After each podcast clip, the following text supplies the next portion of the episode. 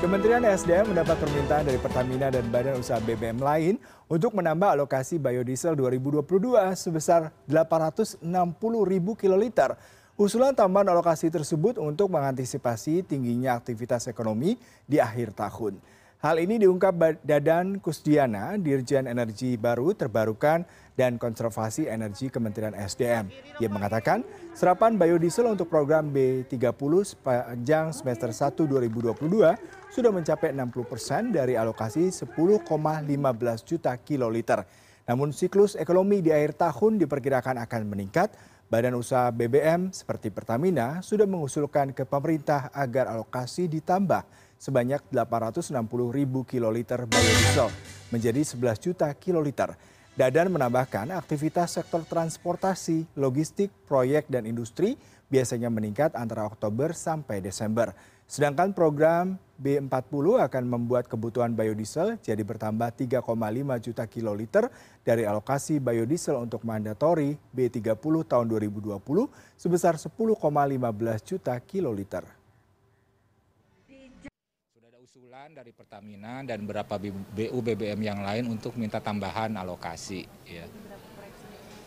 Tambahan totalnya itu sekitar 860 ribu KL gitu ya. Dari 10,15. Kalau B40 kalau per sekarang dengan konsumsi seperti ini kan B30 10,15. Berarti kalau B30 ya kira-kira nambahnya 3,5 juta KL. Sementara itu Kementerian Energi dan Sumber Daya Mineral melakukan uji jalan atau road test penggunaan bahan bakar dengan kandungan minyak nabati yang tinggi. Uji coba bahan bakar B40 bersama B30D10 di mobil diesel ini dilakukan meski belum ditentukan kapan B40 wajib diimplementasikan. B40 merupakan bahan bakar diesel campuran yang 60 persennya dari hasil tambang minyak bumi dan 40 persen dari minyak sawit. Dalam uji jalan di Kementerian SDM 27 Juli juga menguji coba penerapan B30D10 yang mengandung 60% solar, 30% biodiesel, dan 10% diesel biohydrocarbon.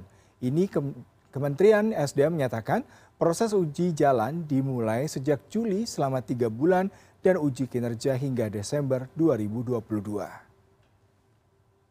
Tujuan utama dari road test ini adalah konfirmasi teknis terhadap penggunaan bahan bakar uji yang dua jenis tadi dan juga aspek keberterimaan dari konsumen secara khusus ini kami awali dengan otomotif.